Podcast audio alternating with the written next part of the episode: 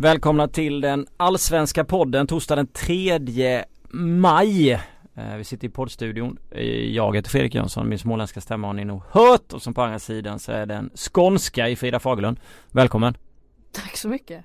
Är du lika ledsen som Sven Ulrich idag eller eh, mår du bättre än så? Eh, jag mår nog bättre än Sven tror jag. Mm. Eh, jag har ju inte gjort ett avgörande misstag i en Champions League-final så att eh, eh, nej, jag får väl säga 3 plus kanske idag. 3 plus. Mm. Ulreich heter han väl i och för sig kanske. Hur som helst, eh, jag tyckte väldigt synd om honom. Med tanke på att han ändå varit bra annars så kommer det misstaget och så får han äta upp det. Men det är inte Champions League vi ska prata om. Det är ju vår kära allsvenska ranka. Det vet inte som den 28, 29, 30 bästa ligan i världen eller någonting. Men den skärmar oss alla i det här avlånga landet.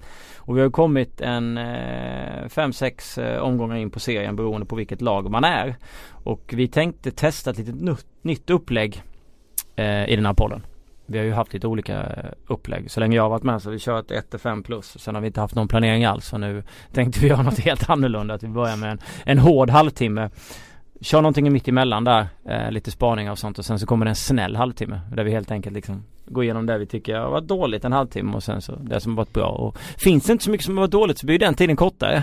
Eller hur? Så funkar ju livet. Vi, vi försöker koordinera liksom våra, våra tankar. Lite. Ja, exakt. Uh, jag tycker att vi ska börja i Småland. Vi börjar med Kalmar mot Malmö FF. Den domaren som dömer den matchen. Så vi börjar med såga att den match, det målet uh, godkänns. Söderqvist han erkänner att det är klart hans. Så jag tycker att man borde se det.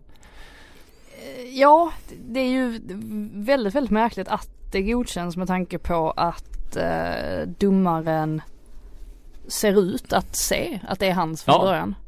och ändrar sig. Mm. Eh, det är ju där det blir extremt konstigt. Eh, plus att han borde ju rimligtvis se på, på Måns Söderqvist att han inte firar målet speciellt mycket. Nej. Efter han har gjort det samtidigt ja. som samtliga MFF-are liksom pekar på, på hans ja. väldigt, väldigt frenetiskt. Alltså tar man in alla de känslorna samtidigt så mm. borde man rimligtvis kunna avgöra då eller se att ja. oj, det var nog inte helt regelrätt. Men eh, nej, jag upplever också att domaren eh, huvuddomaren då Patrik Eriksson är väldigt säker på sin sak från början. Sen ska man ju kunna lyssna på assisterande och fjärdedomare och, och hela den biten. Det är väl, de är ju ändå ett domarteam. Men det känns, men jag håller med, det känns så konstigt när man går från helt solklar bedömning eh, där från början, allting är rätt. Och sen ändrar man sig genom en diskussion och så blir det så otroligt fel. Ja, eh, och det är väl lite oklart, man skulle ju jättegärna vilja veta vad den här linjemannen säger åt ja. Patrik Eriksson. Eh, ja. Han måste ju säga någonting som är väldigt, väldigt övertygande. Ja. Vilket är märkligt för att han är ju ganska långt ifrån situationen själv. Absolut. Och borde inte kunna säga mer än vad Patrik Eriksson gör egentligen. Nej, det är väl att han är från kanten då istället men det är inte säkert att man ser bättre om man inte riktigt är i linje och sådär. Det kan ju vara precis. någon som... Däremot om jag inte misstar mig helt så vill ju inte han prata om det här efter matchen. Nej. Eh, och valde att, jag valde att inte uttala sig till media. Eh, det kan jag tycka är lite märkligt faktiskt. Eh, det hade ju varit bättre om han nu hade sett på reprisbilderna att oj, jag hade väldigt, väldigt fel. Eh, och sen lagt sig platt och inte ja. kört, kört en, eh, en aggressiv approach. Ja men precis, alltså jag tycker att det hade ingett mer respekt mm. egentligen för det här har ju skadat skadat hans eh, renommé och anseende väldigt mycket ju. Ja. För den fortsatta framtiden. Ja. Men han är i, säk- i grunden säkert inte en dålig domare. Men det där ser inte så bra ut för, för honom. Eh, det var eh, på Guldfågeln Arena. 7000 fick eh, bevittna en 3-0 vinst för Kalmar mot Malmö FF. Om vi går vidare i det negativa här. Eh, Patrik Erikssons insats mot Malmö FFs insats. Vem är det egentligen som är sämst här? Om man sett till förväntningar och Nej men grejen är ju att trots att Malmö släpper in ett, ett regelvidrigt mål ja. så ska de ju kunna vända på det. Ja. Eh, det var ju det de levde på hela förra säsongen att de, de var så pass starka att det spelar ingen roll att man låg under med 1-0. De kunde vända liksom det till, till 2-1 och det är väl lite, lite det man har saknat överhuvudtaget nu i, i Malmö att det är inte riktigt den där, eh, den där styrkan Eh, som man har sett så mycket och som man faktiskt såg på försäsongen också. De såg oerhört starka ut då. Både i träningsmatcher och under träningslägret i Florida och sen i kuppen där mot Östersund. Alltså det kändes som att allting, allting var som det skulle. Mm. Eh, Medan nu så har man sjunkit ner till någon sorts nivå som man inte har sett Malmö FF på på väldigt, väldigt länge. Man trodde inte man, de hade den här låga lägstanivån faktiskt. Ja och, och det, det är liksom det de har levt på väldigt mycket, men som Markus Rosenberg för att ta ett exempel så det han har bidragit med så mycket till MFF det är ju den här fruktansvärda inställningen mm. och viljan att vinna. Men jag såg inte riktigt den mot Kalmar. Nej. Och tappar man den också det känns som att, alltså av alla sinnen och sådär man brukar prata om, ja men när man, innan man dör så, så är mm. typ hörseln det sista man tappar. Det känns som att i Malmö FFs fall så är det Marcus Rosenbergs vinnarmentalitet ja. det sista man tappar. Eh, och har man tappat den också, då, då känns det ju väldigt, väldigt illa. Men det blir så, det blir så naket också när man går runt och pratar på det här sättet också. Jag kommer ihåg efter att de förlorade mot Djurgården så så frågade hur mycket fler poäng de borde ha och då sa Marcus Rosenberg givet vad, vad de hade spelat fyra matcher gånger tre, tolv, du fattar ju själv och det är givet för dem att de ska ha 12 poäng. Men sen när man tittar på dem när de spelar så spelar de inte i närheten av att vara där de var tidigare, det är du inne på. Och jag vet inte hur mycket det kan sätta sig i huvudet. Uh, man går liksom utåt sett och har den här inställningen om att man ska vinna varje match men så beter man sig inte alls så på fotbollsplanen. Nej, och sen så med facit i hand så kan vi säga att um, egentligen både Riks och Traustason har haft svårt att uh, Och det är där de ska producera in. med tanke på att i grunden ska ju Bachirou och Lewicki liksom stärka upp det centrala. Och Lewicki är ju inte en AC på det, på det sättet och Bachirou är ju en fantastisk fotbollsspelare men ingen av dem har de offensiva grejerna som han har. Och då blir det ju lite ja, då blir, det blir väldigt svårt för dem när de inte är tillräckligt bra på kanterna för det är ju verkligen där de ska ha spetsen liksom. Ja, Traustason har väl varit snäppet bättre kanske än, jo, än Riks. Um, och Svanberg har också varit positiv när han har spelat centralt. Eh, absolut. Jag har egentligen tyckt att alltså Bashirou och Svanberg på centralt mittfält har varit det, det bästa mm. eh, än så länge. Eh, och sen så är det ju lite av en säkerhetsrisk när Frans Brorsson spelar mittback. Och det är väl just det här att de vill de vill gärna starta upp spelen från backlinjen och har man då inte backar eller mittbackar som, som har de där fötterna så blir det, blir det lite extra svårt. Mm. Um, jag tror att när Rasmus Bengtsson liksom får komma tillbaks igen och, och, då tror jag det kommer stabiliseras upp extremt mycket och nu verkar väl Bachirou också vara på gång. Han trodde väl att det skulle bli lite tight nu till cupfinalen men att till nästa vecka så ska han kunna vara tillbaka. Mm. Eh, och han betyder nog mycket mer än vad man på förhand trodde att han skulle göra. Ja. De har ju bytt hela, i stort sett hela mittfältet i alla fall. 75% av dem. De, tanken var att de skulle spela från början. Nu har ju Svanberg men om man tänker att Lewicki, Bachirou, Rex och Trausa som ska spela så är det ju ändå 75% men det är rätt många klubbar som är, eh, byter stora delar Eh, när de är så pass bra. I alla fall om de spelar i Allsvenskan så kan det bli att man blir uppköpt. Eller, så här, eller i AIKs fall så satsar de ganska mycket och bytte ju Ja, de hade kvar Olsson från förra året men så blev det nya mittfältare och, och så vidare och det har väl inte riktigt slagit väl ut. Jag vet inte, det, det kändes nu är det, det är klart om man jämför med Malmö tidigare om man tittar på förra säsongen så var det ju många som man kunde slänga in då som hade varit i klubben i flera år och kunde spela på ett annat sätt och då var det väl kanske enklare för dem. Du vet när man kastade in en sån som Rakip som ja eh, är Malmö-kille eller du kastade in IK, eller, eller vad säger Berget eller något som hade varit där i några år så var det kanske enklare för dem att komma in och prestera så här än, än vad det är när, när det är nya spelare. Ja och sen så är har ju problem, problemet varit lite också när man har lagt extremt mycket pengar på, på två spelare som, som inte ens spelar. Alltså vi Kingsley Sarf och Bonke Innocent. Ja. Eh, det, det, var ju, alltså det vet vi ju nu att det var ju inga bra investeringar Nej. överhuvudtaget. Eh, och det är väl klart att man blir lidande då för, för att byta ut de två spelarna mot två som hade gått rakt in i startelvan. Ja. Alltså, då hade man helt plötsligt haft ytterligare två spelare mm. som hade kunnat bidra och nu har man inte det. Um, och sen, ja, det är ju rätt intressant ändå för att jag pratade med en vän som är väldigt väldigt stor MFF-supporter. Han sa det att, alltså, nästan glömt bort hur det känns att förlora på det här sättet. Mm. Eh, alltså det var så länge, för liksom, han sa det var flera år sedan. Alltså jag kände den här känslan. Mm. Och det är ju, det ska ju bli väldigt spännande att se om MFF nu kan vända det här eller om det kommer fortsätta se ut så här hela säsongen. Att man kommer, ja men förlora en match, ja. vinna en match. Um, för att guldet är ju inte tappat än nej, men nej, det börjar nej, ju ändå fortsätta Hammarby se ut som de gör, fortsätter AIK se ut som de gör. ja då kommer det ju bli svårt. Ja. ja men det är just det jag menar med att man pratar som man gör men man förlorar fotbollsmatcher. Man beter sig inte som man, man brukade göra i Malmö. Så jag tänker att det kanske sätter sig någonstans i huvudet på några spelare. Jag säger inte att det gör det på typ en sån som Marcus Rosenberg för att ja, han har varit med så jävla länge så jag tror inte att han att det börjar svikta i, i hans vinnarmentalitet. Eh, men det kan ju det kan ju göra det hos vissa andra, det vet man inte. Sen tycker jag det finns en kille som ofta sitter på bänken som man kan få ut så extremt mycket av och det är Carlos Strandberg. Ja. Um, han borde man kunna göra till en potentiell skytteliga eh, vinnare. Absolut. Eh, det känns inte som att eh, Magnus Persson har fått ut max av honom. Ehm, så att där, där, där, finns ju mer att ta av. Ehm, sen har Jeremejeff, han var ju jättebra under försäsongen och har ju fortsatt varit bra i, i det tycker jag också. portioner eller vad man säger. Men ehm, Intelligent spelare. Ja verkligen. Men det känns som att man, man har ju möjlighet att få ut mer av Carlos Strandberg i slutändan, alltså långsiktigt sett.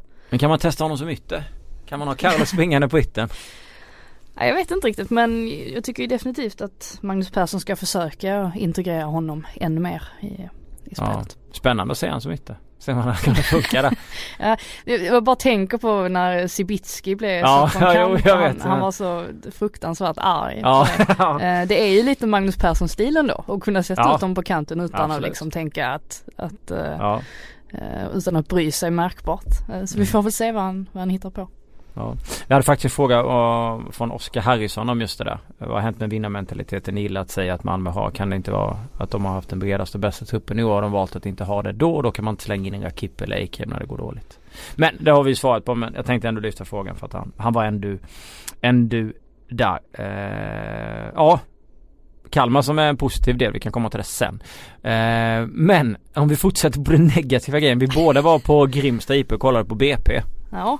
Eh, jag har sågat Trelleborg en del i den här podden. Eh, och eh, men BP eh, nu är ju det färskt i minnet för att vi båda var där ganska nyligen. De är ju de är sämre än Trelleborg. Eh, ja det tycker jag också. I dagsläget. Jag eh. ser egentligen Förutom där en liten stund i första halvlek där Östersund slog bort lite bollar och, och BP stod och väntade ut. ÖFK fram till straffen så tyckte jag väl att ja alltså de kanske kan ta en poäng här om, om, om de klarar att försvara sig och spela cyniskt i, i 90 men sen var det ju så mycket ytor och det blev ju alltså det var fullständig slakt.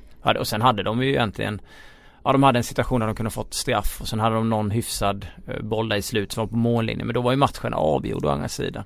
Så jag såg inte många ljustecken förutom Omondi då som blev eh, månadens spelare i BP som jag ändå tycker han gör en del. Han springer, han slår lite inlägg, han försöker. Eh, och Ajeti har väl sina, har väl sina stunder men annars är det en för en, för en dålig trupp och, och deras, alltså ja, de kan inte vara så naiva som de har varit. För det, det ska ju sägas att Östersund briljerade ju inte. Nej det gjorde de inte heller. De vinner med 4-0 ja. men det ser inte liksom 100% ut Men det, de, de får ju så mycket ytor. Det är bara, ja. bara ta här och springa för Ghoddos och Sema och, och de där. Och ändå Nej, inte Sema så, så bra som man kan tänka sig att en landslagsman ska vara mot ett motstånd som BP som bara bjuder på ytor och, och sackar ihop. Skillnaden mellan BP och Trelleborg då som troligtvis också kommer att vara där nere och härja i botten. Det är ju att Trelleborg har ju inte den där naiva inställningen. Nej. De vet om att varje gång de kliver ut på planen att det kommer, vi kommer få kriga för, ja. för våra poäng och det känns inte riktigt som att BP har den där eh, det där i sig. Det känns som att Pimenta fortfarande tror på under att det ska det helt plötsligt ska, ska se eh, extremt annorlunda ut. Att mm. de ska utvecklas eh, och ta enorma kliv. Men det händer ju liksom aldrig. sen tycker jag det är oroväckande också att en sån som Gustav Sandberg Magnusson som av de som är BP nära beskrivs som BPs absolut viktigaste spelare. Men att han inte är så pass involverad i spelet som man borde vara när man är en sån kugge. Det känns mm. som att han, han hamnar lite i, i skymundan. Och det tror inte jag är bra för, för Brommapojkarna i, i stort. Nej jag tycker om man tittar där centralt så har man ju Man har ju Gustafsson med som jag tycker är en duktig bollspelare men man får inte ut så mycket av dem. Eh, och, eh, och, på det sättet, jag håller med dig, det sättet man spelar. Jag tycker ändå när man har sett Trelleborg i, i vissa Alltså typ mot Djurgården borta. Okej de stod upp då och väntade. Men de, de fattade grejen av den matchen. Det här skulle vara en match där vi skulle ha mindre boll än motståndaren och vi är tvungna att kriga för att ta de här poängen. Mot Sundsvall så försöker man lite mer för att man vet att Sundsvall är ja, ska väl inte vara på pappret lika skickliga som Djurgården. Sen gjorde man en jättebra match och skapade mycket målchanser. Men man, man har ett lite annorlunda tänk taktiskt sett till olika matcher. Och jag tycker man är mer medveten så att man har liksom en strategi ändå. BP kör på samma så sitter Pimenta efteråt och pratar om att han tycker att de utvecklar vissa delar men det saknas grejer och jag lovar dig att när du tycker att de gör en bra, när du tycker att dina killar gör en bra match då är ni redan klara för superettan ungefär där, där är vi. Man måste inse att man måste förändra sitt spel när man inte har en tillräckligt bra trupp så kan man inte gå upp dit och, och alltså alla lyckas ju inte göra en Östersund. Alla lyckas ju inte komma upp med ett lag av spelare som har blivit ratade i andra klubbar och sen bara funkar det helt plötsligt. Så, så, så är ju inte verkligheten. Nej. Sen vet vi också att, vilket är ganska fantastiskt på sitt vis att BP hade en bättre trupp när de var i superettan jämfört, ja. jämfört med vad de har nu i allsvenskan. också, definitivt. Det är, det är ganska anmärkningsvärt och då tänker jag ju främst på eh, sånt som Kevin Cabran och Viktor Gyökeres ja, och, exakt. och sådär. Eh, att man har tappat de här eh, extremt viktiga spelarna. Man ja. tappar ju till och med målvakten Janosevic till, till Ja, precis. Um, så att nej de kommer få det oerhört tufft. Jag tror att de kommer ligga där nere större delen av säsongen. Eh, kanske spattla till någon gång då och då men jag tror inte att Pimenta kommer lyckas få igenom en sån fantastisk förvandling som han hoppas på. Jag har ju trott hela tiden att han möjligen kan bli den tränaren som ryker först. Sen vet jag inte riktigt vad det är för avtal han sitter på. Det verkar Nej. vara väldigt lukrativt eh, och kanske kan bli för dyrt för BP att göra sig av med honom. Och Vilket är en pinsam aktion av, av deras ledning skulle jag vilja säga. Ja, sen vet man inte. Det, det, känns spontant som att det ligger mycket bakom det där tränarvalet som vi inte vet. Men... Eh... Ja men därför tycker jag också det är ännu mer pinsamt. Man kan inte liksom sätta en hel klubbs existens i allsvenskan och gå ut med det att ja, vi ska etableras och sen, sen, sen är det något Nu vet vi inte det men att det känns lite, lite konstigt kring avtalet. Och det, det känns orättvist att göra det mot en förening. Det känns orättvist att göra det mot spelare och, och supportrar för en del även om de inte har jättemånga men ja. Jag tror det där också kan spela in det här med att en klubb eh, Alltså visst, nu var det visserligen eh, Valborg, midsommar tänkte jag säga, Valborg var det ju eh, när den här matchen spelades så eh, fick höra att det var förvånansvärt mycket folk trots att det var valborg. Mm. Eh, och då blir man ju lite sådär, det var ju inte jättemycket folk på plats. Eh, det där kan ju också vara alltså är man en klubb som har ganska många eh, hängivna supportrar då har man ju den pressen utifrån också. BP har ju inte den pressen på Nej. samma sätt. Folk tycker, de flesta som är där tycker väl att det är trevligt att gå på fotboll men det är väl en ganska liten skara som, som brinner för klubben eh, mm. så pass mycket. Jag tror det kan vara bra ibland att ha den där pressen på sig för nu blir Absolut. det mer som att de kan glida igenom ganska ostört eh, eftersom att det inte är så många som ja, vad ska man säga, det är för hårt att säga som inte bryr sig men som kanske inte har intresse eh, kring det. Mm. Några grejer som eh, vi går igenom lite snabbt som är negativa kanske utan att det behöver kommenteras jättemycket men eh, pressfikat på, på derby tyckte jag var under all kritik. Eh, du ska men, inte ha mer ändå. mellan Djurgården och Hammarby. Ja ah, det var inte bra. Eh, nej jo jag tycker att man kan ibland, eh, jag tycker att Hammarby ska få beröm, det har jag sagt tidigare för att de kan spexa till det lite Tycker ibland. vi kan börja bjuda fika på, på alla supportrar istället. Det är trevligare. Mm. Gratis fika i korvkioskerna. Ja det hade varit, det hade varit någonting. Mm. Eh, men det var inte bra i alla fall. Eh, BP har gått igenom Jordan Larssons nedsparkning mot Trelleborg. Är ju eh, också under all kritik. Det är nästan som att det har det har hänt någonting tidigare, tidigare under matchen som man kanske inte har, har uppfattat. Ja det måste vara. Det för att han kan inte som... bli så frustrerad efter en sex omgångar. Nej det där kändes som något personligt agg. Alltså som någonting som, ja. som låg bakom. Um, oavsett vad så är det såklart uh, um, Det är inte bra att tappa huvudet på det sättet. Särskilt inte när man ligger under med 1-0. Och man vet att men det man måste. Bara, ja det är ändå bara 1-0 liksom. Ja, men man vet att man måste vända på det resultatet och så ja, förstör man för sitt lag genom att mm. bli en man mindre. Mm. Nej, um... För det är, alltså Norrköping är stort också, alltså de har haft ett ganska överkomligt spelschema inledningsvis. Och ja. har ju inte sett klockrena ut i alla fall. Men de har ju lyckats skrapa ihop en del ja, poäng. Ja de är ju fyra i tabellen. Okej det är sju poäng upp till AIK. De har spelat en match mindre. Ja men exakt. Och då, vilket innebär att de har inte fått den där krisstämpeln riktigt. Nej. Och sen brukar man aldrig se den eh, typ, det brukar alltid vara så harmoniskt i, IFK Norrköping. Man brukar aldrig se den typen av reaktioner. Men, Nej, ja. vi får väl se hur eh, det kommer att se ut här framöver och härnäst när motståndet börjar bli lite, lite tuffare. Mm.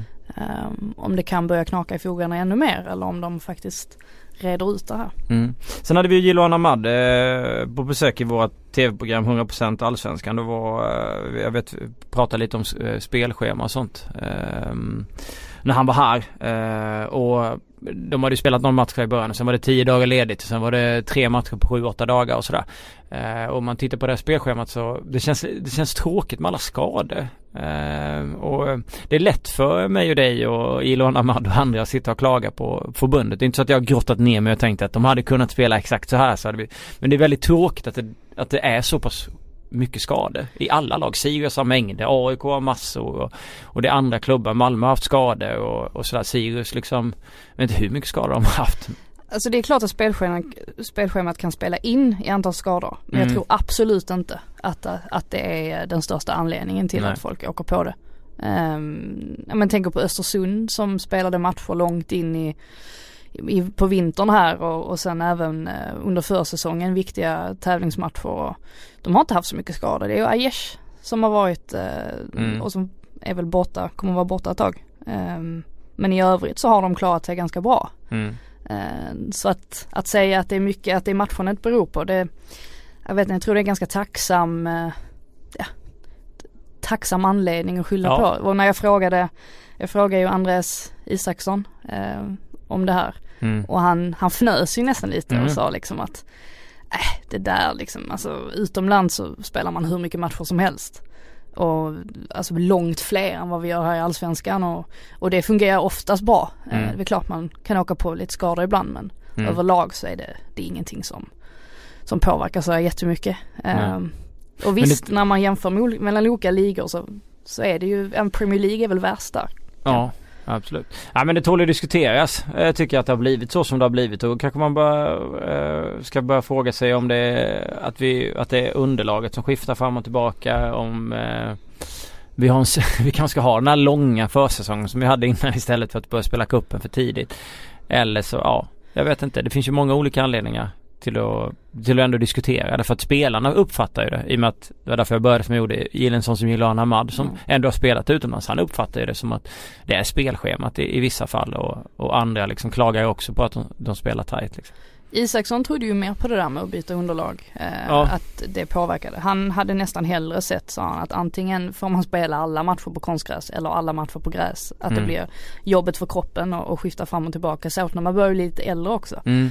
Eh, sen är det ju så generellt att skador ökar eh, ganska markant ändå i, i hela världen. Eh, och, och, den, ja, och baksida lår börjar bli den vanligaste eh, skadan.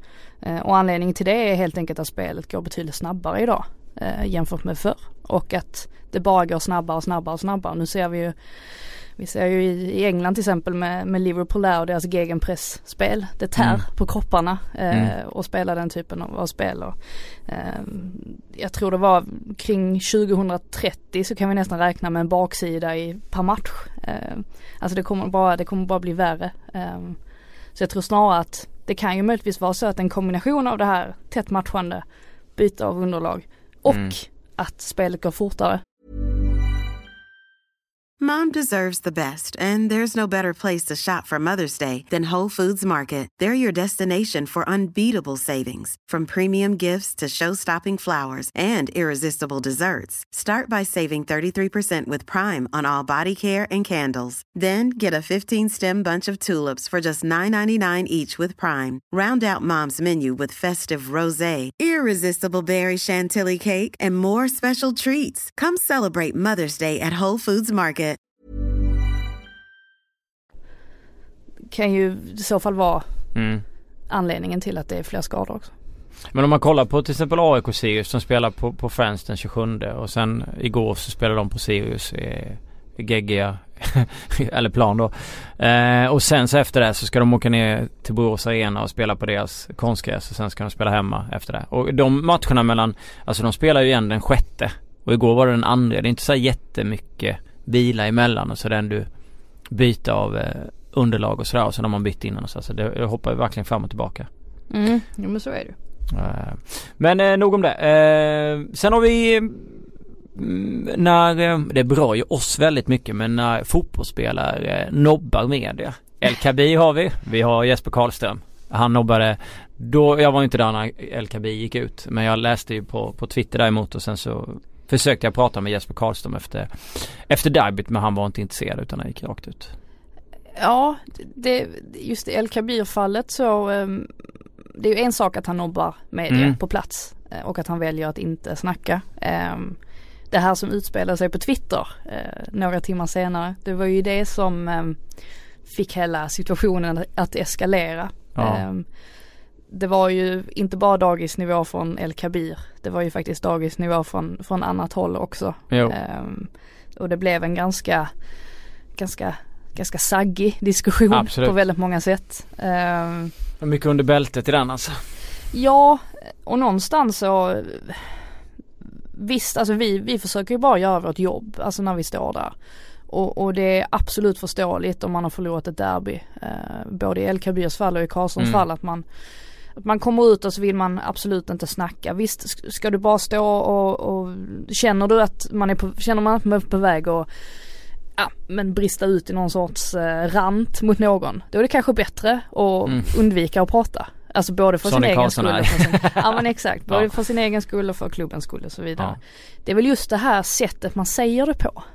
Alltså när man går ut sådär, det hade varit en sak om man bara, nej vet ni, jag, liksom jag har inte lust att snacka idag, är det okej? Okay?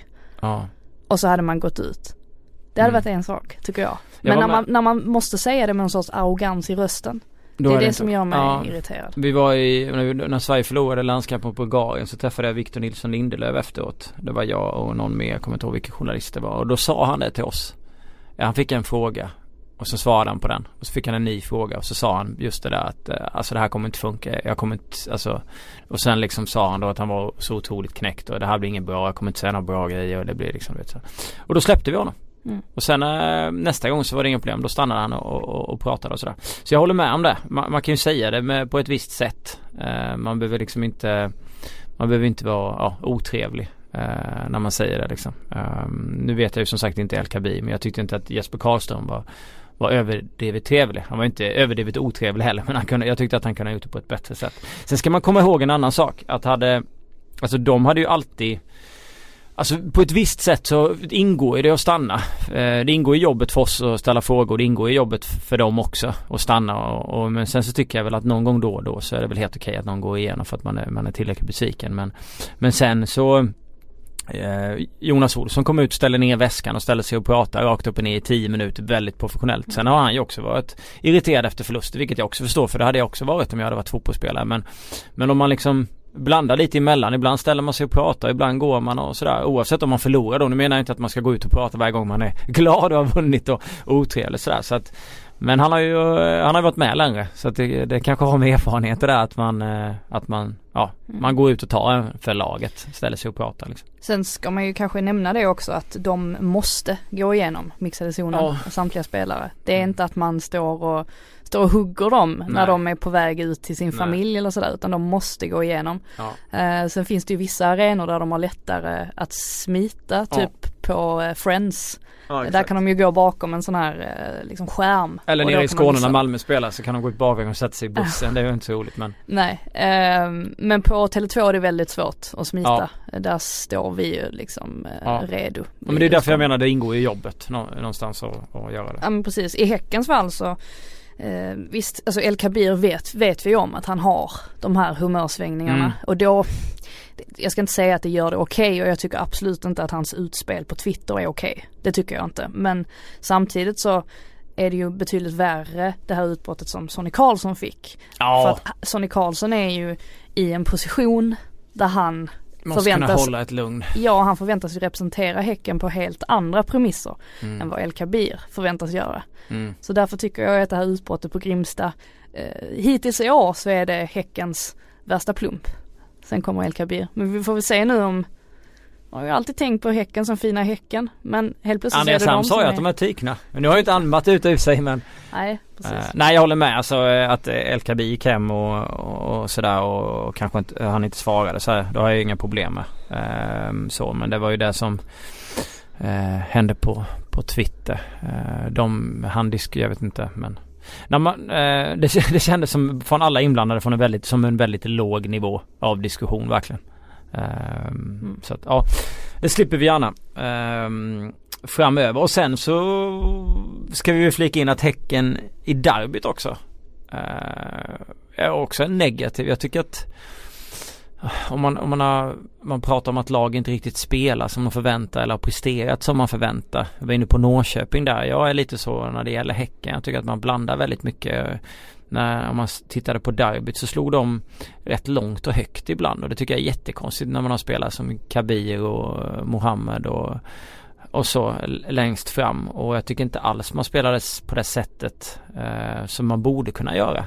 Häcken innan de har spelat derby mot IFK Göteborg eh, Förra året var de med 4-0 hemma. De spelade ut dem fullständigt eller kontrade sönder Göteborg fullständigt. Nu var det i och för sig på bortaplan men just liksom spelet sett till materialet tycker jag inte man man kör. Man, jag tycker inte man liksom har hittat det. Jag tycker inte Andreas Alm har varit så lyckosam än. Eh, det är några matcher där det har sett okej okay ut med laget men ah, jag tycker att jag saknar mer, jag kommer ihåg det här humöret också när, nu skrattar jag lite men det var så oväntat när de åker på två röda borta mot BP också. Det var, alltså det är vissa grejer som jag, jag tycker inte, jag vet inte, det är någonting med Häcken. Harmoni, balans, det är någonting som inte riktigt stämmer. Ja, jag tror jag undviker att ge mig in på någon sorts taktisk analys för med tanke på att eh, Alexander Axén och, och Alm nästan blev, ja, inte ovänner då tar jag kanske i men de var inte riktigt överens i studion efter matchen om hur eh, hur Häcken borde ha spelat. Eller hur de... Är du rädd att Am ska gå på dig? Nej men det visar ju bara att, att man kan ju se det med, med många Absolut. olika ögon och ändå inte Am kan bli en vinnare i slutändan ändå, det säger jag inte men ja, det ja, förvånar mig lite bara. Det, det, har väl varit lite så här ända sedan försäsongen att man har haft svårt att veta var, var Häcken står. Mm. Um, jag tyckte att en av de mest positiva spelarna under försäsongen var ju Iran Dust. Ja. Um, och jag tycker man ska dra mer nytta av honom än vad man gör idag. Eh, få med honom lite mer i spelet. Han fick ju en liten oturlig start där. Han var ju ett av de röda korten mot ja. BP. Eh, men eh, vi får väl se. De, de har ju kvalitet. Alltså de, de ska ju kunna vara med på den, alltså den övre halvan ganska högt upp. Ja. ja. Men det blev ju mer bollspelarna när han byttes in i derbyt. Och sen är ju okej, Göteborg de kryper ju ner lite och ger dem lite myt. Men det blev lite mer boll och jag tänker att med Jag tyckte Viktor Lundberg på läget när jag var i Dubai och såg lite såhär mm, eh, rörlig, lite vrickningar och lite grejer och ihop med Iran och så tror jag att det kan bli lite Lite trevligt bollspel eller det borde kunna bli. Nasir Mohammed kan ju också vara trevlig i, emellanåt och sådär. Men i den här matchen så bara kände jag att Nej, det funkar inte alls. Eh, sen så, ja, han kanske har någon tanke där och det kanske vi får se senare. Man måste ge honom lite mer tid. Han är ju en bra tränare Andreas Sam, ska inte säga så. Alltså han vill ju ge mer tid men inte Pimenta. nej, nej precis. Men det är bara, ja. Ja, Andreas Alm har ju ett betydligt bättre spelarmaterial att jobba med ja. också. Det får man ju säga. Ja, är vi hårda mot Pimenta? vi får väl se. Ja. Har vi något mer negativt att damma av efter den här rundan? Jag tror nu vi fick med det mesta väsentliga ändå. Ja. Fick vi inte det? Från Sirius eh, AIK var sista senaste matchen. Mm.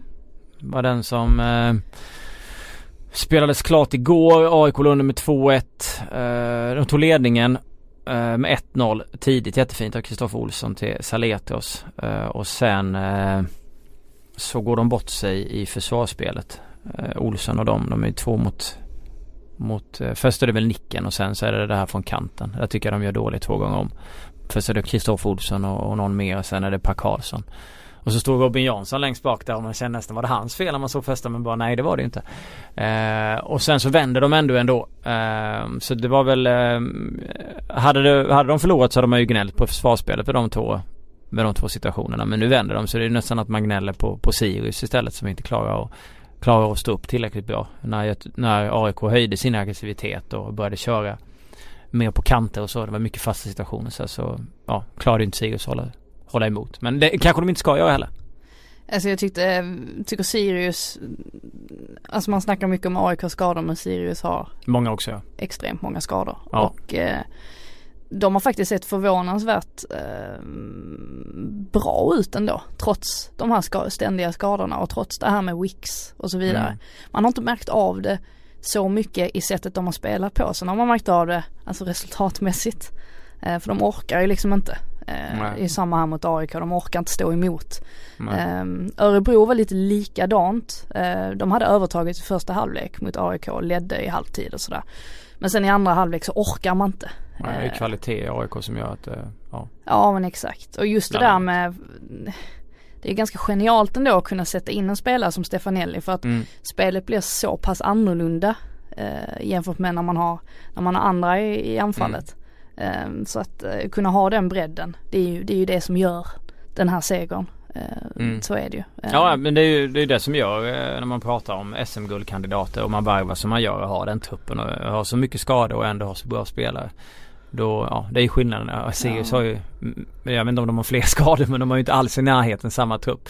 Men jag tycker ändå att de i, i första halvlek utnyttjar eh, situationer bra i sin offensiv Sirius och eh, ja eh, AIK har ingen bra har ingen bra första halvlek. Sen så att de gör ju saker bra där men de, ja. ja. Sen är ju, alltså Moses Ogby är ju en fantastiskt duktig Ja jag tycker han är, han är väldigt underskattad. Han är, ja, han är bra alltså. Ja det pratas för lite om ja. Ogby. Um, och jag menar man har hyllat Robin Jansson jättemycket och, och med all rätta just det här med att ta så pass eh, stora kliv ändå upp till allsvensk nivå. Men igår hade han det kämpigt mot Ogbu. Ja första eh, målet när han förlorade. Ja och det var, det var rätt många gånger där, ja. där Ogbu liksom bara, bara tar ja. sig förbi och det var lite, lite enkla misstag och sådär. Mm. Men, eh, ja men det, det gör ju ingenting så länge man fortsätter göra mål framåt och det, ja, det fortsätter ju AIK att göra. Helt klart. Det var den negativa delen. Uh, har, du något, uh, har du någon spaning att komma in med? Någon teori? Någon tanke innan vi går över till den positiva? Ja alltså någon tanke, vi kommer väl komma in på det sen också men man har börjat fundera på det här med, med, med Bayern att man sitter och säger hela tiden att nej men man får njuta, eller bayern fansen får njuta så länge det varar och sådär för att eh, det här med att de är i tabelltoppen det kommer inte hålla hela vägen. Nej. Men är det inte exakt så vi har suttit och sagt varenda gång det har varit en liten sån här underdog som har vunnit? IFK Norrköping. Ja, satt vi inte och sa samma sak då? Att, ja men det kommer Jo, det kommer, det de, de kommer snart att tappa, de kommer inte orka hela vägen. Samma med Leicester när de vann mm. Premier League. Ja men de kommer inte orka hela vägen, snart kommer de börja tappa. Mm nu är det väldigt, väldigt tidigt in på säsongen fortfarande. Mm. Men jag har en liten känsla av att fortsätter Hammarby att ha det här lilla, lilla flytet, att de kan lyckas avgöra matcher på stopptid och så vidare. Då är det nästan så att jag börjar tro att de kommer hålla hela vägen. Alltså, ja, jag har ju tänkt så eh, flera gånger om Hammarby också. Eh, men det är ju en säsong fram till sommaren och det är en säsong efter sommaren. Mm. Särskilt i, i Hammarbys fall men även i andra klubbars fall också. Vi vet inte. Akansengen är ju väl förlorad. Även om han inte har påverkat så mycket. Men han kan ju påverka i gruppen. Vi vet ju vilken eh, härlig person det är. Så sätt och ge skratt och så vidare. Gillar Ahmad har uttalat sig om att han eventuellt kan lämna. Man vet inte vad han väljer att göra i sommar. Eh, och det, ja jag vet inte om det finns någon mer där. Eh, det kanske är någon som ledsnar på att sitta på bänken och det kan ju förstöra eh, stämning och annat och sen så kan de eventuellt få några skador och sådär. Så att eh, jag håller med och, och, det är en klassiker det där eh, av att man sitter och, och, och Jag tror äh, att man kan så mycket, ja, man kan ingenting. Men det, det, där är det klassiska, är inte det där klassiska eh, negativa inställningen också? Det finns en, jag ska inte säga det är en viss typ av, av avundsjuka men det är ju det för många supportrar som håller på andra lag, de kör ju den. Man kör ju den taktiken, det är ju den svenska avundsjukan. Sen i vårt fall så känns det väl en okunskap då i så fall att vi inte har tänkt på, på vissa faktorer och sådär. Sen så har ju de svävat fram på ett sätt som jag det kommer de inte, de kommer inte sväva på samma sätt hela säsongen. Nu säger jag det igen. Ja, exakt. Eh, och sådär. Eh, sen är det klart att eh, man har nog, eh, man har underskattat Hammarby eh, på många sätt. Men, men så har jag också funderat över, över andra lag. Eh, och det var också lite det jag själv har funderat på att ta upp. Det är så här Örebro, Kalmar och Sundsvall. Det är alltså tre lag som ligger topp 6. Jag har tippat dem långt, långt ner och jag är helt övertygad om att de kommer gå söderut. Det är samma sak där. Att jag, är det, är de så här bra? Eller är det jag som är, är det jag, är, det, är de så här bra, är det jag som är okunnig? Eller har de haft ett spelschema och ett flyt i början bara? Och sen så kommer de gå söderut. Alltså i Sundsvalls fall så, jag tippar ju dem väldigt långt ner. Men det var, ju, det var ju extremt mycket baserat på, alltså den ekonomiska biten. Samt Erik och Marcus Danielsson. Ja, Um, och sen vet man också det här när man plockar in, ja men som nu ett gäng spanjorer. Ja exakt men det är ju förutfattade meningar. Ja, det kan gå ja. hur som helst. Ja. Uh, I Kalmar-fallet så är jag inte förvånad att de ligger där de ligger för det är, jag tror jag tippar dem i mitten någonstans. Ja. Uh, och tror att de, de har ju blivit jättestabila nu under Nanne Bergstrand och lite blivit det här, uh, det här gamla Kalmar som är mm. svåra att slå på mm. Guldfrågan nu i det här mm. fallet. Um, och där har ju verkligen de här nya brassarna eh, lyckats integreras väldigt väl. Mm. Ehm, all heder åt Nanne för det måste man ju säga. Ja verkligen. Men Örebro då, alltså de ligger under här hemma med, med 2-0 mot Dalkurd och vänder. Eh, vinner med 3-2. Eh, helt osannolikt. Jag, jag satte mig jag åkte hem eh, från matchen senast där i, i, med, med BP och kollade på telefonen. Så jag kollade på telefonen 10 minuter senare och har vunnit med 3-2. Det flytet är ju helt. Sen tycker inte jag att de har truppen till att ligga på tredje plats och är helt obesegrade efter sex omgångar. Nej men återigen har de ju de här spelarna som kan göra skillnad. Alltså jag hade inte tackat nej till en Kennedy Igbonanike liksom. I ett, eh, tänk ha honom i Trelleborg. Alltså som skillnad han hade gjort i, ja. i, ett, i en sån trupp. Mm. Eh, samma med, tycker även Michael Omer, han, han, han blandar och ger lite men man ser ändå att, att han har kvalitet. Och han fick mm. ju komma in där mot, um, mot AIK då när Viktor Sköld utgick mm. skadad. Mm. Uh, och tycker faktiskt att han visade väldigt bra tendenser då också. Uh, ja, en teori som jag har i alla fall innan vi ska gå in på den goda delen, eller en frågeställning som jag har som är, jag kommer inte ihåg vem det är och jag, jag ber verkligen om ursäkt men det var någon som skrev på någonting om twitt, på Twitter om det här att eh, Omo, han, han firar ingenting när han själv gör mål mot Dalkurd och sen när de avgör sent så firar han som att det inte fanns någon morgondag. eh, och han firar ju inte mot Dalkurd då sitt eget mål för att han har varit i den klubben så det är väl av respekt då. Och sen så när eh, Igmar Nicke gör det här sena målet så firar han helt galet. och då undrar man ju lite ibland, är det här okej? Okay? Eh, att göra det. Man firar inte man själv men man firar ändå sen. Och då, men går det, å andra sidan, går det verkligen kontrollera sin glädje med ett sånt sent mål? Går det känna så här, ja jag har spelat i den här klubben så jag firar inte nu. Går det, alltså, är det inte, försvarar du honom på grund av just att det där är eufori av stor glädje? Eller känner du att, ah det där var dåligt så att han borde inte fira så mycket mot sin gamla klubb? Det där är ju en jättekänsla. Ja, jag vet och den är jättesvår. Och det beror ju helt på, alltså jag kan tänka mig själv att om, ja men som nu till exempel när eh, Bayern München spelade mot Real Madrid och James mm. gör mål. Ja. Eh, och så firar ju inte han eh, av respekt för Real-fansen. Och detta är ändå en klubb där han har haft det ganska tufft. Ja. Eh, men han visar ändå den respekten och jag kan väl tycka någonstans att Men om Lewandowski hade avgjort på tre, med 3-2 i slutet tror du inte han hade firat då? Det lär han väl göra kanske. Ja. Men jag kan ändå tycka att det är rätt fint att man ja, visar absolut. den respekten för att någonstans så grundar sig fotbollen i det här Alltså supporterskapet och mm. publiken på läktarna. Mm. Och att kunna visa den lilla, lilla, lilla respekten mm. som det krävs eh, genom att inte fira ett mål. Det tycker jag det kan man väl kosta på sig. Men du blir inte arg på Omo när han firar 3-2 sen? När Kennedy avgör sent? Jag vet inte, jag kollade inte så mycket på honom. Jag Men eh, ja, det är väl klart att man måste ju acceptera också att han är i en ny klubb och ja. det är väl klart att han vill eh, ta tre poäng. Ehm. När det är så sent på det sättet så kan jag köpa det. Det hade nog varit lite annorlunda om det hade varit ett ett 4-2 mål i 65 minuten. Som... Tror nog till och med Mourinho hade firat ett sånt sent ja. mål. Han som är väldigt emot eh, ja. målfirande annars. Han firade väl aldrig riktigt när inte avgjorde sent mot Barcelona? Eller avgjorde den matchen? Ja, jag tror ju det är någonting han har hittat på nu sent, liksom. Men, ja, men han sprang rätt galet då. Jag glömmer alla när slog ut dem. Sprang som en galning. Uh, men det var inget uh, sent avgörande. Men uh, ja, sen går vi in på den positiva delen. Vi börjar med Kalmar FF. jag fick faktiskt ett mail också av Per Frostberg. Det var inte alls frostigt som det kan vara ibland när man får mail. Skämt sido. Eh, mycket, det, det är trevligt när man får mail och det är på ett sätt där, där folk resonerar istället för att vara otrevliga. Som är lätt hänt eh, när man har lite sympati för någon väldigt, klubb. Väldigt lätt hänt. Ja och han tippar ju, han tycker väl att, eh, att jag är fel ute när jag lägger Kalmar långt ner när de har startat så pass bra. Han har Kalmar FF på en femte plats.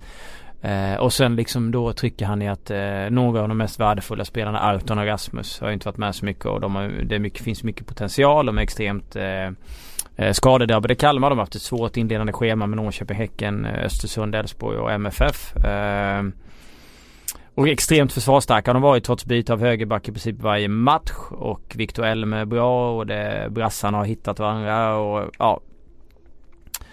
Nanne är rutinerad och hyfsat intakt trupp vår höst och, och, så. Och jag säger inte emot honom här. Nej verkligen inte. Nej. Eh, jag tycker särskilt, man pratar väldigt mycket om Rasmus Elm, Elm men eh, Viktor Elm förtjänar verkligen en eh, ja, verkligen. stor eloge. Ja. Han var ju fantastisk mot Malmö mm. till exempel. Och, och, och man, man, ska ju ge eh, Danne det. Han, han använder ju sitt lag på rätt sätt utifrån den truppen han har. Så jag Absolut. Jag tippar dem levande tips tror jag 9-10 eller något sånt där. Och det kanske är helt utåt väggarna. De ligger femma just för tillfället då. Men jag tror väl att att någonstans, eller jag ser väl att det finns många lag som har en starkare trupp än Kalmar och jag förväntar mig att de ska prestera på en, på en bättre nivå eh, över, över 30 omgångar än vad Kalmar ska göra. Och jag tror att Kalmar kommer få det tuffare för att jag, ja, så sett inte tycker att de har den den truppen och sen så har de gjort det bra hittills och det är väl så jag resonerar utifrån mitt tips att jag förväntar mig att de, de ska få en svacka som är lite värre för att och sen har de en sämre trupp än många andra lag. Men jag kan ju helt enkelt ha jävligt fel och sen kan de ju sluta högt upp för att ja Just på grund av de sakerna han skriver här och då är ju spetsen att Nanne är en smart tränare som vet hur han ska använda sitt lag. Ja det handlar ju någonstans om att orka också hela vägen. Mm. Vi såg ett Sirius som briljerade under våren och sen så åkte de på en liten dipp där på ganska många matcher så bara Sjuk. dök de i tabellen. Um, det är ju så för de klubbarna som inte har råd att köpa ihop en trupp som mm. är så här fantastiskt bred och eh, där man liksom har ersättare på varenda position som nästan är minst lika bra. Mm. Eh, då, då, krävs det ju något annat, alltså att man har lite flyt, att man inte har så mycket skador och, mm. och sådär. Det kan ju hända mycket under en säsong. Absolut. Eh, men ja, alltså de som tippar Kalmar i botten, jag, där förstår jag inte riktigt vad de har grundat det på. Vad är botten då? Är det som jag? Topp, ja, där är de så 10 tror jag. Nej men alltså jag tycker allt och tro att Kalmar skulle åka ur. Jag, jag tror Nej. inte att det är så många som har trott det. Det är Nej. verkligen inte. Um, är det någonting Nanne Bergstrand kan så är det ju att hålla kvar klubbar i allsvenskan. Mm. Men sen är det ju det att om man tittar på andra trupper så tycker man ju att AIK, Hammarby, IFK Norrköping, Djurgården, Häcken, Malmö, Östersund, Elfsborg har bättre lag. Och då är vi uppe på åtta. Så jag tycker inte det är så konstigt att man lägger Kalmar som, som tia då men Nej. Men sen så kan de ju givetvis underprestera som vissa har gjort. Bland annat då Elfsborg och sådär. Um, 11 la jag Kalmar. Jag hade de 10 från början. Jag la faktiskt Dalkurd före i sista. Jag bara ändrade så mm.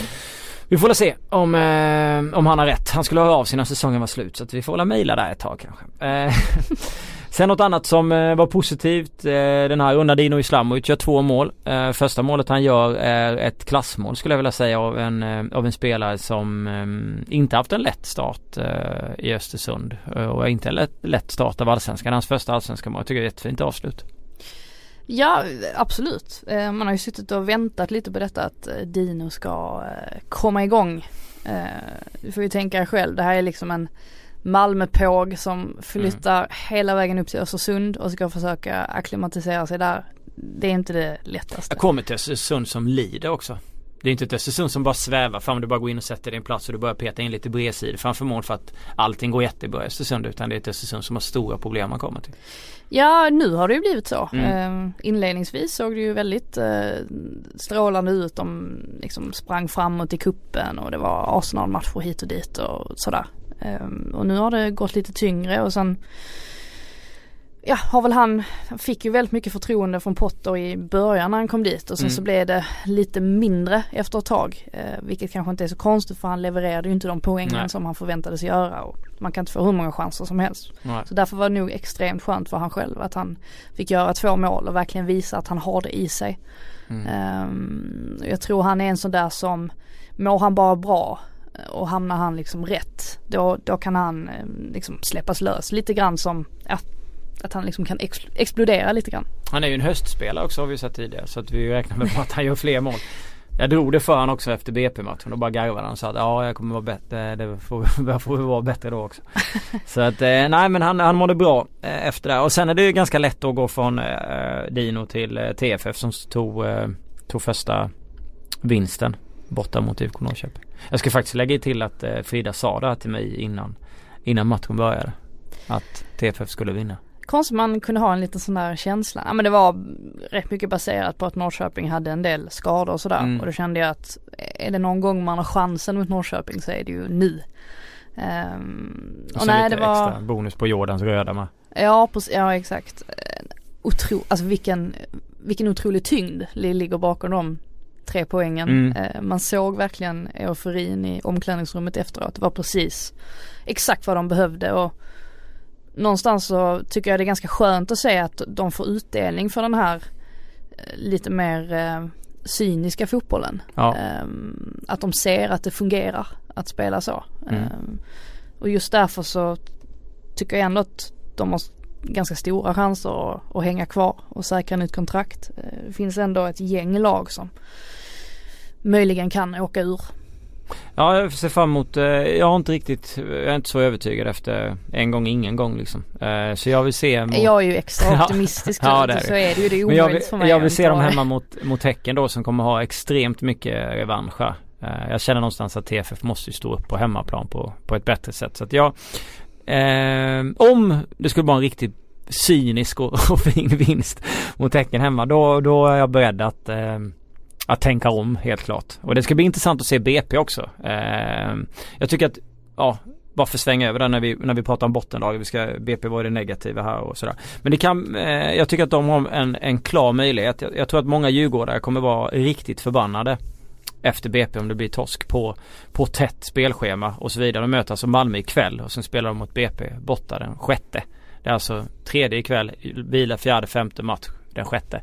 Inte det enklaste eh, och det kommer, skulle ju BP kunna utnyttja eh, om man lägger upp sin spelplan på bästa Det skulle inte förvåna mig om Malmö vinner mot Djurgården eh, och sen så är Djurgården så förbannade att de vinner stort mot BP. Du tror inte på det hållet. Jag tror att BP, att man, Djurgården får en väldigt, väldigt tight match ikväll. Man kanske kan ta sig en poäng och sen så av den kraften de har lagt ut där så får de stryk mot BP ah, eller tappar poäng. Vi får se. Det finns mycket och finns ju alltid två sidor av mynten. sant. Ja. Arvidssons intervju. Vi, vi, vi, hade en, vi hade en uh, rolig, uh, uh, vad heter det? Ja, den höll ju på att börja lite tråkigt men ja det var mixade zon efter, efter AIK Sirius där eh, Omar Edari först kom ut och var, och var knäckt över att han inte spelade. Mm. Uh, och han har inte fått alls den speltiden som man trodde att han skulle få när han kom dit. Um, och så, så han var inte helt nöjd. Och sen så kom uh, Milosevic ut efteråt och var inte helt nöjd med betygssättningen heller även om man, även om skojade en del. Uh, och sen efter det då uh, då kom ju de här passningarna. Sen så kom Arvidsson efter det. Då var det Arvidsson före. Den intervjun som han bjöd på där.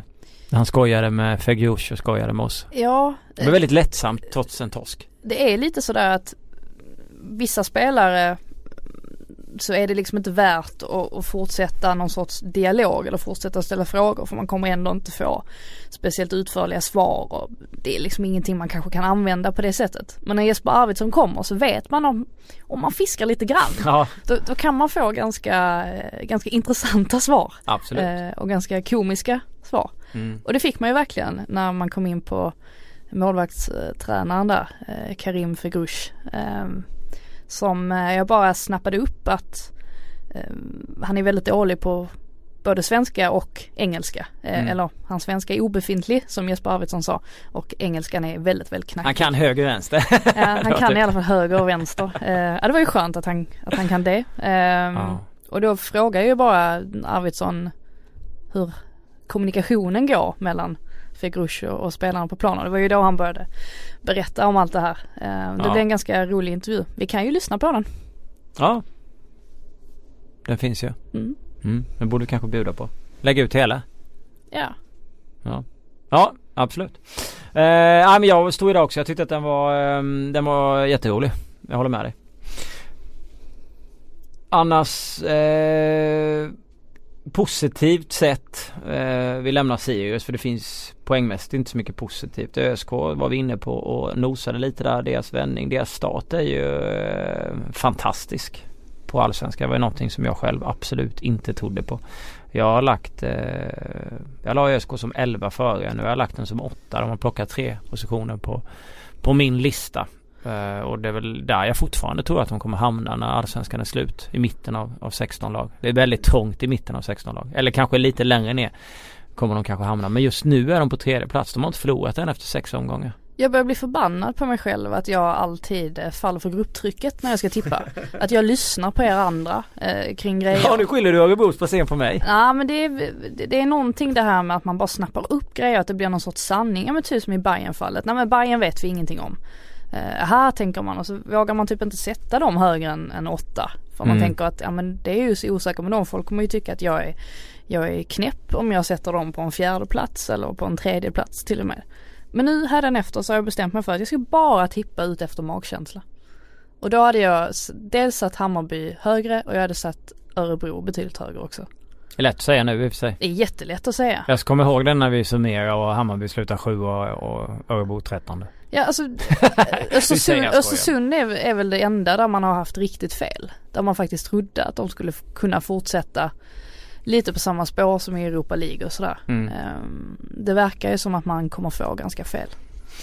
Ja, jag känner bara att i Örebros fall så tycker jag att de är för eh, De är för sårbara eh, vid skador och, avstängningar sett till eh, laget. Å andra sidan så har de ju sluppit en konstig Igbonanicke fyra matchers avstängning det här året i inledningen mot vad de fick förra året som var helt otrolig. Så att det var väl där, det var anledningen till att jag själv la dem långt ner. Men det är klart att får de ha det här laget hela säsongen och orka liksom prestera eh, så ja, då kan jag få väldigt fel men eh, jag är inte förbannad just nu. Det är väl bara på Hammarbys tippning då som jag Men annars så är det ingenting konstigt med Nej. Örebro. Jag tror fortfarande på någonstans i mitten och om inte ännu längre ner. Det är lätt att vända kappan efter vinden. Ja, jag känner att du sitter och gör det nu. ja, men lite grann. Ja. Men jag blir så trött. Det är samma med min, ja det är många sådär tippningar där man liksom önskar att man är tänkt på ett annat sätt. Mm. Men är, man är fortfarande ung. Ja, nej inte jag. Eh, Nabil Bahoui Han var fantastisk mot eh, Sirius hemma. Han var väl inte, li- han var inte lika fantastisk mot Sirius borta. Men eh, jag vill ändå lyfta han som en positiv eh, bit. Eh, jag vet att jag sa någonstans att jag tänkte på landslaget i en tv-analys efter matchen vilket eh, jag fick påpekande av från en, en kollega på, på en annan sajt. Att eh, han retade mig sen att vem ska du lyfta in i landslaget nu? Och det var inte riktigt så jag menade. Jag vet, jag vet att du skrev om Nabil Bahoui också i, i en krönika där. Det var väl bara kände att, att han hade någon nivå där som var väldigt, väldigt intressant att se mot Sirius. Han var bättre än han hade varit i många andra halvlekar och, och matcher. Ja, det var länge sedan jag fick så mycket hat faktiskt som jag fick Aha. efter den krönikan. Det var riktigt drev. Men då har man inte riktigt äh, läst vad jag har skrivit heller. Nej. Jag menade ju att om man äh, pratar om Jiloan Hamad och om man pratar om Kristoffer Olsson som potentiella äh, VM-jokrar. Ja. Så kan jag tycka att Nabil Bahoui också kan räknas in där. Alltså, och då baserar jag det främst på att Kristoffer Nyman nu har fått lämna ja. återbud på grund av skada. Eh, öppnas det upp en plats ju där bakom och Kristoffer Nyman har ju varit med i landslaget baserat på att han både kan spela mittfältare och forward. Eh, alltså han har den möjligheten och Bahoui är ju lite likadan. Alltså han kan både spela yttermittfältare och han kan spela eh, forward. Mm. Um, och nu tror jag att det är ganska långt ifrån för att ja. det var ett tag sedan Bahoui var med, det var under Erik Hamrén-tiden. Exakt, han kan inte hans grunder där. Nej, och jag tror inte att han har någon relation till Jan Andersson överhuvudtaget. Um, men det var mest baserat på det. Um, då såg jag inte det som alldeles orimligt att han skulle möjligtvis kunna komma med om det var så att det inte fanns några andra alternativ ja. i Janne Anderssons huvud. Sen kan man lyfta fram sådana som Robin Quaison och Mikael Ishak men det handlar ju i grund och botten om vad Janne känner, vilka ja. spelare han vill ha med. Den uppfattningen jag har fått eller det intrycket jag har fått det är att en sån som Quaison, Janne har inte ens honom i i nej. huvudet. Nej, nej men och sen så kan man komma ihåg det att det hade varit likadant om Quaison hade spelat i AIK och har gjort en gick, riktigt bra match. Eh, så hade man säkert kanske börjat fundera över att han skulle med i landslaget för att han har burit en, en landslagströja en gång i tiden. Och det är väldigt lätt att dra de parallellerna och det tycker jag att man måste kunna göra. Eh, och sen folk ska inte behöva bli svinförbannade över det. Jag fick också mejl för att jag sa det där och det var folk som påpekade det. Men Alltså det var en känsla jag fick. Jag sa inte att han skulle vara med liksom på grund av det. Sen tror jag att Olsson och Hamad har en större möjlighet för att de var med under januariturnén och kan grunderna i Jannes tänk. Det är därför till exempel Ken Sema är överlägsen favorit att komma med även om han inte har varit så bra under våren. Mm. För att han har varit med i Jannes gäng och han kan grunderna. Han vet hur de tänker. Janne vet att han funkar i den gruppen. Det är liksom ingenting nytt. Och, och, så, och det måste man väga in och Janne är ju en sån människa. Han är laget före jaget. Hamren var ju inte likadan. Han var väldigt populistisk i sina landslagsuttagningar och, och så vidare. Och han byggde laget kring mestadels en spelare, eller han gjorde det kring en spelare och det var Zlatan Ibrahimovic. Ja. Tittar man på, på alla mästerskap också så har ju har nästan alltid varit minst tre representanter från allsvenskan i mm. alla mästerskapsgrupper. Eh, en av de här har oftast varit en reservmålvakt. Så den personen kan vi ju i princip räkna bort egentligen. Eh, men det lämnar ju ändå en till plats, alltså om man kollar liksom historiskt. Och jag tror att det var 2006-2008, det var det, det var det överbefolkat med, med allsvenska spelare. Tror jag man var uppe i en fyra till sex spelare ungefär mm. Eh, i de mästerskapen. Så att det här med att folk sitter och säger att det är helt orimligt att en allsvensk spelare skulle kunna spela VM. Det är inte alls Nej. alldeles orimligt. Då tror jag man glömmer bort att vi har inte så himla många alternativ. Nej. Det har vi verkligen inte. Det, det, kan låta extremt märkligt att en Nabil Bahoui från AIK skulle spela VM liksom mot, ja en potentiell åttondelsfinal kan ju bli mot Brasilien med Neymar. Men vilka andra har vi där bakom? Sen ska, vi, sen ska vi också poängtera att det handlar egentligen inte om att han ska spela. Det handlar Nej. om att han ska ta en plats i truppen. Och. Nyman är inte en person som spelar. Han är en person som tar en plats i truppen. Och han är inte ens en inhoppare vanligtvis om det skulle vara en, alltså det är på gränsen. Nej jag tror inte ens han Ja. Jag tror han spelade senast mot Vitryssland faktiskt. Ja exakt och det säger ganska mycket. Eh, och så. så att man ska komma ihåg det att även om Jiloan Ahmad, Kristoffer Olsson eller Bahoui eller någon annan från Allsvenskan kommer med så är det inte för att han ska ta en plats och spela liksom på andra sidan av eh, Ja eller bredvid Albin Ekdal eller vara ytter eh, och byta kant med Emil Forsberg emellanåt i matcherna. Det är inte det det handlar om utan det handlar om att, att ta en truppplats och kanske ja, att Janne tar honom efter att han kan grunder och kommer in i, i gruppen och han tycker om honom som människa och person och känner att han kommer inte, ja, ut och veva i media även om många väldigt få svenska spelare går ut och, och vevar i media när de ja, när Det är samma med Emir Kujovic liksom som var med ett, ett tag i landslaget. Ja. Eh, och det var ju baserat på hans insatser i allsvenskan. Mm. IFK Norrköping hade ju honom där med. Ja, nu, nu är han i Fortuna Düsseldorf eh, och är Spelar inte ordinarie där. Nej. Eh, så att man ser det att man kan inte basera det så himla mycket på vilken liga man spelar i egentligen. Alltså det är så mycket ja. annat omkring. Ja.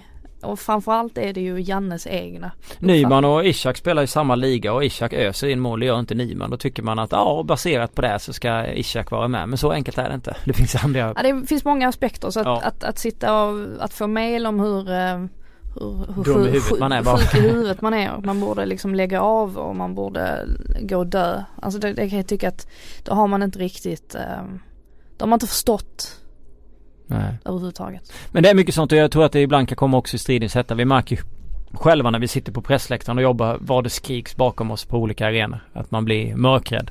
Det känns som att man ibland går på fotboll på att häva ut sig skit och komma hem sen och så får man ta ut veckans aggressivitet typ. Ungefär så. Vi eh, avslutar eh, just den positiva delen med eh, att bara nagga lite på, vi har pratat väldigt, väldigt, väldigt, väldigt mycket om Hammarby. Men vad är känslan kring Hammarby? Spontant utan att analysera hela laget. Okej, om, om man ska vara väldigt kortfattad så tycker jag att den största skillnaden eh, kring Hammarby i år jämfört med förra året det är att Junior och Jeppe Andersson har hittat varandra på ett sätt som de inte gjorde förra året. Och det känns som att Jeppe Andersson avlastar Junior väldigt mycket i det defensiva spelet. Och de har hittat en sorts kombination där de vet exakt hur de ska pressa ihop mm. på, på ett effektivt sätt och då stänger de av liksom vissa spel, eh, spelmöjligheter för, för motståndarlaget. Så jag tycker att um, det kanske är de som är den största skillnaden i Hammarby i år och de som gör lite grann att det har sett så här bra ut inledningsvis. Kombinerat med en strålande Jiloan Hamad och så vidare och så vidare. En Tankovic som äntligen står på rätt plats vid rätt tillfälle och så vidare. Jag vill belysa eh, spelet under ansvar. Eh, alltså det är klart att Billborn har gjort det bra men jag skulle inte vilja säga att allt är är allt hans förtjänst heller. Jag tycker att spelarna just eh, under ansvar gör det väldigt, väldigt bra i det här jobbet som de gör över hela banan där vi har sett att Djurdjic, Tankovic och Hamad är nere och, och krigar längs kortlinjen bredvid egen målvakt. Vi såg Sängen var nere där några meter från vilan och styrde av en hörna så det blev inspark istället. Just det jobbet tycker jag eh, jag har tänkt på som mest i Hammarby. Sen har man ju flytet också. Flytet kan man ju också lyfta. De avgör mot Göteborg sent. De avgör mot, mot Djurgården sent och sådär. Och de är inte speciellt bra mot Djurgården. Men just det här kriget och, och, och ehm, funka, den här styrkan som lag. Uh, förra året var det mer störningsmoment. Uh, och han uh, jag tror att många gillade säkert Jakob Mikkelsen men det blev också liksom i gruppen moment av störningar som kanske också speglade av sig lite på planen. Tankovic kändes ju mer vilsen. Han ville spela på ett sätt och rörde sig på det sättet. Han blev sågad av Axén men det stämde inte in i hur Hammarby spelade just då. Eh, Kennedy var inte alls nöjd i truppen. Eh, och alla som spelar i Hammarby gillar ju Kennedy så att det var inte den där harmonin. Och då blev det inte heller samma sak på planen att man krigade för varandra på ett annat sätt. Så det tycker jag att man verkligen, verkligen ser i Hammarby. Det är väl det Ja, kanske blev en längre utläggning än vad jag skulle ha men, Ja det var eh, Ja. Ja men det var, det var bra. Ja det tycker jag är, är speciellt. Sen eh, sista punkten. Eh, Lite frågor. Inte så många Uh, så att de har diskuterat VM i USA 94 i den här tråden. Emil Kolagnelius, en, en kollega har dragit igång den. Anton Rudsvik, kan Örebro fortsätta ta poäng? Kan de bli årets överraskning? Det har vi ju faktiskt svarat ja. på. Men kan de bli en större överraskning än, än, än liksom Bayern? Uh, sett till förutsättningar och förväntningar så uh, är det alltid svårt att balansera det där var Hammarby slutar respektive Örebro. Slutar Hammarby två Örebro fyra, vem är, den, vem är den största överraskningen? Och Sundsvall blir femma, då är det väl Sundsvall kanske? Och så vidare. Jo absolut, det, det vore ju sensationellt. Um, sen kan jag ändå tycka att ett Hammarby, alltså går Hammarby och vinner till exempel så är det klart att det är en större en större skräll än om Örebro hamnar fyra. Um, ja. Men uh, nej, jag, jag tror inte att det är omöjligt. Som sagt man ska ju ha det där flytet med sig. Man ska undvika att hamna i de här dipparna som exempelvis Sirius gjorde mm. eh, förra året. Eh, och man ska undvika onödiga avstängningar och så vidare och så vidare. Men eh, du verkar ju räkna bort dem. Örebro? Mm. Ja lite så. Eh, Martin Tegnevik, vilket nyförvärv har presterat bäst? Oh, nyförvärv har presterat bäst. Det var synd att Robert Lundström skadade sig. Annars ja det är ju valt han alla dagar i veckan. Nämnt honom. Eh, Bachirou får man ju också säga. Han är ju inte ny för allsvenskan men han har ju varit Var ju väldigt bra i Malmö fram tills han skadade sig. Eh, svårt så här på uppstuds att bara Bara komma på. Marcus Danielsson har ju varit bra när han har fått spela i Djurgården. Kanske borde få spela lite mer. Hädanefter. Kan tycka att Neto Borges har eh, varit Över förväntan. Ja. Fick ganska mycket kritik där i början. Det var många som trodde att den där värvningen inte skulle bli så lyckad men tycker ändå att han har hållit ihop det ganska bra. Mm. Um. Jag tycker väl, eh, ja det finns, Lundström har nog varit det givna valet i just AIK annars är jag nog um, Jansson har varit ett bra nyförvärv förutom senast. Milosevic tycker jag också har växt fram som ett, som ett bra förvärv. Eh, jag gillar Kalisir i eh, IFK, Norrkö- eller IFK Göteborg. Tycker också varit bra. Eh, bra nyförvärv för deras del. Helt klart. Boja Turay. Ett bra förvärv för Dalkurds del. Så det, det, finns väl en, eh, det finns väl en eh, Sujita också för den delen. Eh, Mattias Nilsson, hur borde Blåvitt få med sin fronttrio? Ska Alimak eller Afane spela bredvid Mix? Mm. Alimak baserat på senaste matchen. Ja jag tycker det är svårt att peta en spelare som där man vinner med 2-1 och Gör sin bästa, gör sin bästa halvlek, halvtimme, halvlek match för säsongen. Ja. Det blir ju märkligt då att man ska petas till nästa match. Mm. Men, eh, men, men fronten ska ja, Olsson, Engvall och, och Omarsson. Ska Hussein sitta på bänken? För mig känns det fel. Men då ska jag ta ut någon och det, det, det är så svårt att göra det när jag, jag tycker väl ja. Jag tycker det... också att Hussein har en sorts... Det är väl Olsson då kanske? Som jag plockar bort. Ja, jag tycker Olsson har varit väldigt upp och ner i, sin, ja. i sina prestationer. Ja. Hussein, eh, någonstans vet man vad man får av honom mm. hela tiden. Um, sen är frågan, kan han spela 90 minuter? Eller alltså vill han um, Han blir ju äldre och äldre så att säga. Ja. Um, men nej, jag kan hålla med. Alltså, Hussein sitter ju på någon sorts spelintelligens som man har sett i rätt många matcher har varit vital. Ja. Så att, ja. Sen är det intressant kring nyförvärven. Vi hade Sarko på bänken sist. Afane på bänken. Eh, Karasvili på bänken och Ingebrigtsen var inte i, i truppen. De har ju inte så jättemycket pengar så att jag vet inte. Ingebrigtsen känns som det största mysteriet. Ja. Sen är vissa nyförvärv har ju funkat jättebra men vissa har ju så här, ja, spelar inte speciellt mycket. Nej. Jag vet inte vad det eh. beror på. Om han är så pass dålig Ingebrigtsen så han inte ens platsar i truppen. Eller Nej, vi får väl se om han dyker upp här efter VM-uppehållet kanske. Så kan det vara. Uh, vi uh, tackar väl för oss den här gången. Det blir en lång podd. Hur lång blir den? Över 70 minuter. Oj. Typ. Oj. Tack så mycket för att ni har lyssnat. Om ni orkar lyssna, ni kanske lägga av efter en kvart. ha det bra. Hej.